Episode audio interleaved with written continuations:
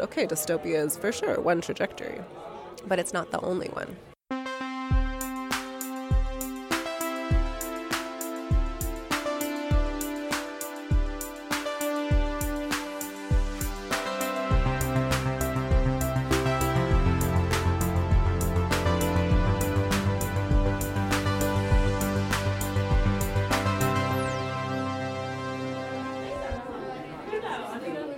Welcome back to the podcast called Heja Framtiden, a Swedish podcast on the future. My name is Christian von Essen. Today I'm at United Spaces in Stockholm at Torsgatan uh, at an event called Speculative Futures. I'm sitting here with uh, Johanna Hoffman from uh, the US. Welcome to the show. Mm, thank you for having me. Urbanist, researcher, and writer. And you uh, recently wrote a book called Speculative Futures Design Approaches to Navigate Change, Foster Resilience, and Co create the Cities We Need. Tell me a bit about your background. You've been through several different universities and worked as a researcher, and you also are you co-founder of the agency DFA? I am the co founder of Design for Adaptation, which is the acronym DFA. And I've also worked as a writer and a researcher pretty much since the age of 18. Um, so it's been now like two decades. And it's evolved in different ways. I think at first it was very much about trying to understand what was happening with sea level rise and climate change. I worked as a coral reef researcher on a boat in Polynesia for a year when I was 18. So it was kind of like when this work started for me, and I started to understand oh, sea level rise and coral bleaching and global hotspots are very much a thing. And then from there, it really went on to working in coastal management, doing that at different research stations and positions. And then over time, I kind of really got depressed because tracking coral decline is tragic. and looking at people being displaced by sea level rise is so hard. And I really wanted to find a way to be more proactive rather than documenting these declines in a more logistical way. And so I went back to school for a degree in planning and design. And for a while, that seemed like a helpful trajectory. And when I got into the professional world, I quickly realized, oh, like doing projects that don't do more harm, that's quite hard to do. And that's not the majority of the way that a lot of these projects are executed. So, what's a way for me to both try and find those projects and also to assuage my soul while I work on some not so great projects because I need to pay my student debt bills? I started to do installations that I later realized were speculative futures installations. I started to understand, oh, lots of other people do this work. This isn't something that I just made up. And through that, I started to understand that I was part of a much bigger community, which was both so nourishing and fulfilling on a personal level, and also really amazing on a professional level to understand there are lots of people who have done this for a really long time. So that was an invitation to start to understand what I could offer in that particular space. Wow. And uh, maybe we should define uh, speculative futures and speculative design. You mentioned uh, in the introduction to your book, I just started listening to it, that it's a redundant phrase actually because everything is speculative in its nature. But but uh, how do you define the speculative aspect of it? I define the term, and thank you for acknowledging that foreword to my book, which is very much addressing the fact that the phrase is redundant. I use the phrase because it's both what a lot of people use to articulate what these particular sorts of tools are, but also to acknowledge the fact that if we don't call future speculative, it does encourage a certain attitude where the status quo is just going to continue. So I think giving it that disclaimer, for some people, it makes something about finance. Whenever I talk to my dad about what I do, he's like, Are you talking about money and investment? And for others, it's an invitation to think about future trajectories in an alternative way, which I think is the fundamental aspect of what this particular kind of work is all about. So when I define it for people, it's an array of design and storytelling tools to articulate high resolution visions of what the future can be. And the goal is really to collapse that distance between tomorrow and today to start to explore what tomorrow might become so that it can inform the decisions that we make in the present moment so that we can move towards those trajectories of tomorrow that we hopefully might prefer. There's often a science fiction element involved and there's playfulness involved and sort of uh, imagination. Is it a way to get away from the sort of naysayers that always rush in to say that this is not viable, th- th- this will never happen? I think it's just a forum for having conversation that has a little bit more of the understanding that the future is not guaranteed. So I think it's not about saying like naysayers are wrong there is obviously a chance that the status quo conditions could continue. That's for sure one possible future. It's also not the only one. And I think the whole point of investing in speculative futures and exploring different ways of working with the future is appreciating that it's a possibility space. That's really the whole point. Why else would you do it? And I think with people who really invest in this work on both a personal and a professional level are people who find ways of massaging that space between fantasy and reality. Can we really celebrate it? And what I mean by celebration is iterating on it. The future is not a given, it's a process, it's a path. So, what does it mean to work on what that path could be. How do you build it? How do you craft it? How do you maybe remake it entirely? How do you envision how it might lead to a completely different trajectory? And there are tools for doing that. Because now we're in a, in a sort of phase of uh, where we need a huge transformation in many ways. Uh, and many people say that we suffer from a lack of imagination. We are good at finding solutions, but we're terrible at actually describing and envisioning what these solutions could become in the future. So, is this a way of visualizing also what a future could look like? There are tools for doing that with. There's no one way to do that, and speculative futures come in an array of types. So, like you say, science fiction is one of them, specifically science fiction prototyping. So, using the science fiction space as a way to prototype different systems, interventions, tools, and to look at them within the context of how they might impact wider society, individuals, etc.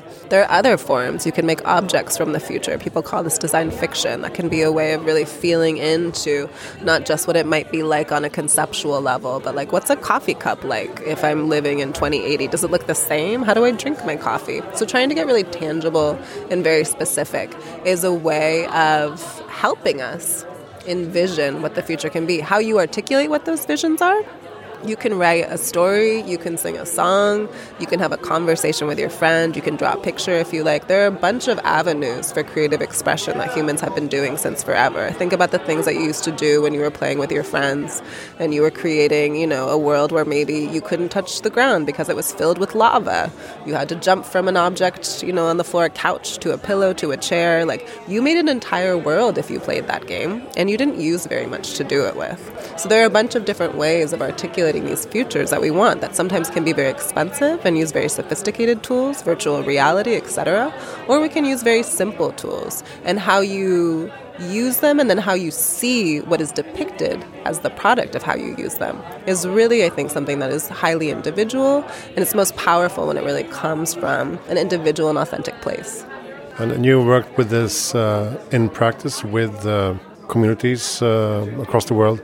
Can you give us an example of how uh, this could look like in practice?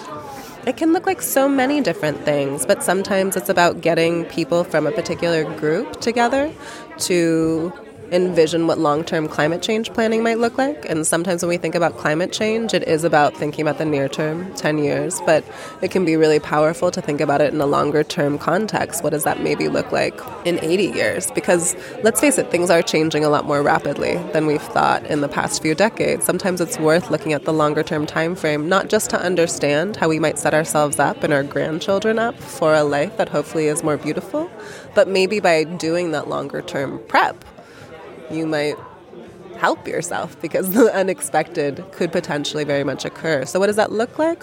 Really trying to take people through a process where we feel into the future together into that time frame try to make it as personal as possible. There are a bunch of different ways of doing this. And then start to write like a very detailed science fiction story of what that world is. What are the challenges? What are some of the aspects that might be curious? And then use that in order to inform takeaways what is a particular vision, what are problems, refine and iterate on what that future might be. It doesn't have to be the first version that comes out. Most fiction is not the first version, it's oftentimes an iterative process. Most people who work in creative fields know this. It's not your first thing. So, how to use that possibility space again as a way to say, like, we tested it out. What does it look like in this other avenue? How does this alternative trajectory start to unfold? And then, if there is a particular future that the people assembled start to kind of coalesce on, if there are common themes, etc., finding, okay, what is a story space that has a lot of these crossover pieces in it? And then use that backcasting process that so many people in the futures and planning spaces do to say, okay, if we're moving back to the present moment, what are different initiatives that could be developed, explored at different moments to start to potentially move towards that future? Or how does it inform different initiatives that are already taking place today? What could be some practical issues facing cities of the future? I mean, climate change is obviously one where you need to prepare and be uh, adaptive to uh, flooding and droughts and heat waves, um, an elderly population perhaps, inequality. What kind of clients are you working with in this space? It's a different range. Sometimes it's a very small community group. Sometimes it's a city, a city manager. Sometimes it's a private organization. You know, so different scales of people and individuals and clients who sometimes have very different ideas about what they want to work on. But what I try and make very clear is that these tools are like not a silver bullet and try to really know, find people who want to engage in a process over time and bring people from the community also into the process. Mm-hmm. Yeah, and again, like how you define what a community is, is also something that is not the same from one place to another. What scales of community are we talking about? You know, what particular scales of impact are we talking about as well? If you're talking about a particular group, they might create a product or provide a service, and that could maybe affect a lot of different people. And would you consider all of the people that it affects to be part of the community? So I think also when doing this work, what's also really necessary is to start to like break down the ways that we define things like the community and maybe also ask like what communities are we talking about? I think putting a plural on that is pretty necessary because even in one particular community from the outside, if it seems like a singular one, there can be so much diversity and richness in terms of how people see the world, the values that they hold, the beliefs that they cling to, that it's really necessary to see the richness that is there and to work with it accordingly. Uh, you had a nice example from the United Arab Emirates where you presented a visualization of the future. Can you um, just elaborate a bit on that? So this was a project by the studio Superflux, who, if your listeners are not familiar with, is an amazing studio that's been in practice for now long over a decade, do amazing work. This was a project called the Future Energy Lab, and it was done in order to inform the country's long-term energy strategy policy up to 2050. And so Superflux worked with a few other organizations, but they were contracted by the government of the UAE to identify five different scenarios of how energy development could progress in the country, and then developed different speculative futures interventions, mostly experiential futures, which is trying to make a very experiential version of how we might connect with a future possibility. They made role playing games, an energy simulator, different interventions to create a space where people, and these were all pretty high level decision makers in the in the government. So head of cabinet, different powerful people would be engaging with what these different futures could bring. So in one of them, they made air sample that you could smell that would show you a vision. Well, not a vision. It was like literally you could smell the air that would occur if current fossil fuel rates emissions continued, and it was foul smelling it was bad. But it was also based on research of literally what might happen if current fuel rates are used moving forward. And decision makers had some very emotional responses. And I think that's really some of the power that speculative futures tools can bring. They invite us to bring our whole human selves into decision making processes rather than to focus on numbers and different sorts of you know strategic objectives as being the way that we make our choices because we're humans how do we want to live our human lives, having some of these interventions are real invitations and real opportunities to engage with the future from this very human place. And you also saw that they actually changed their strategy after this uh, project. Well, we not know. not necessarily because of it, but Yeah. still. There's no way to say for sure that that was the deciding factor in how the UAE was going to decide how to invest in different forms of energy moving forward. But decision makers participated in that project. All of the key ones were all involved. They had all gone through that future energy lab. So I don't think it's proof, but I think that it's a it's a it's an indicator that these things can when they are funded well, when they are enveloped in a process and when they're done with people who are willing and interested. The UAE has been interested in futures work for a long time. They have a whole museum dedicated to it. They've been doing futures oriented issues and they also know that fossil fuel is limited. They're not stupid. They've been aware of this for a very long time. So they've been actively investigating different avenues for moving forward. So it's not as if this speculative futures intervention was the thing that changed everybody's mind. It was, however, I think done in a context where when people are open and receptive, when the process is cultivated in a way where it can have some real deliverable connections and outcomes that are planned out and meaningful. And when they have very well funded, because the UAE is a rich country at this point. When those things are in place, I think the effect of speculative futures interventions can be very potent. I usually ask my guests, uh, what is your best tip for making the world a better place in the future? Oh man, my best tip. I don't know if I have the best one, but the one that's coming to mind at the moment is to really give ourselves space to imagine and then to discuss those imaginations, what comes out of them with other people, and to maybe practice and enjoy doing them with others. Because I can think so often, huh, what do I want to do tomorrow? Or where do I want to be in five to 10 years? I'm a person who loves to do that process. A lot of people, I think, do do that process individually, but we don't always do them together. So whether it's, you know, with a beloved friend or if you're part of a family unit, perhaps that, but then practicing maybe even doing it across bigger groups. If you're part of a community that has some sort of common interest, you meet on a daily basis or maybe a monthly or a yearly basis, try and do it there potentially. I think the more that we can get used to imagining how we want to grow together, the more that these aspects of resilience that can unfold through the future visioning process and the trust that can be built while doing it can go exponentially. And I think that's really what it takes to make the world a better place. Nice. Um, do you have any good uh, reading tip or uh, podcast tip? Right now, I'm reading a couple of different books that I love. I've been rereading Braiding Sweetgrass a lot, so I'll just throw that one out there. If your listeners don't know it, it's by Robin Wall Kimmerer.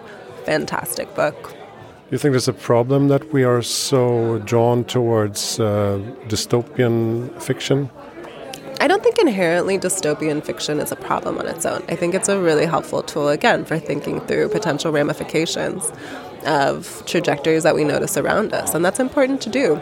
I think when it's the dominant sort of story that's told about where futures can unfold, that's when it becomes a problem. Because if that's all of the material that we have with which to envision possible futures, we don't have as much material that can help remind us that, okay, dystopia is for sure one trajectory, but it's not the only one. So I think widening that breadth to include, explore, and celebrate other visions, of which there are not as many by any means. And so I'll just add some other authors. I think Ursula K. Le Guin, she's, you know, dead now. She was writing a lot of stuff in the 80s, 90s, and 2000s, but amazing articulation of more nuanced, not dystopian, not utopian. She's all about that middle ground, protopian, uptopian. Do you call yourself a future optimist? I would call myself a pessimistic optimist. Like my approach, my fundamental personal belief, and I don't advocate for anybody else to take this if it doesn't resonate for them, is that, yeah, things might get a lot worse. They also might get a lot better. I don't know which one is going to happen. I definitely have my days of deep sadness, but I also have my days of being truly amazed at the wonder of humans and what we're capable of and how we can treat each other. It's both. So I just know where I would like to put my energy. I would like to focus on how in my own small way, I might be able to help others, find others, work with others who also want to explore what a more positive trajectory could look like. We might fail. Like, I'm very much aware of that. but I'd rather try than not try. Very good. Who do you think I should uh, interview? If you haven't already talked to her, I do think Anab Jabe, Anab Jain with Superflux is remarkable and amazing. Um, she works with somebody who's here tonight, so that could be, yeah, a good connection. There's a lot of people, and I'm happy to give you a list because in this moment right now, the ones who are coming to mind are the ones who I've written about the most, and like that's you know not the only ones, but they're the ones that I've spent the most time with. Great. Thank you so much, uh, Johanna Hoffman, for joining here from today. My pleasure. Thank you. And the book is called Speculative Futures and it's out now. And uh, I found it on Audible as an audiobook. So that's a tip. Um, how can we find you? You can find me on LinkedIn, Johanna Hoffman. You can find me on Instagram, Johanna E. Hoffman. You can find me at my website, johannahoffman.com. Yeah, come connect. Great. Uh, thank you so much to United Spaces for hosting this event and uh, Planethon, Speculative Futures, Stockholm section, and the Network for Foresight here in Stockholm. Uh, my name is Christian von Essen. Thank you so much for listening. Hejaframtiden.se for more information about this podcast and my other projects.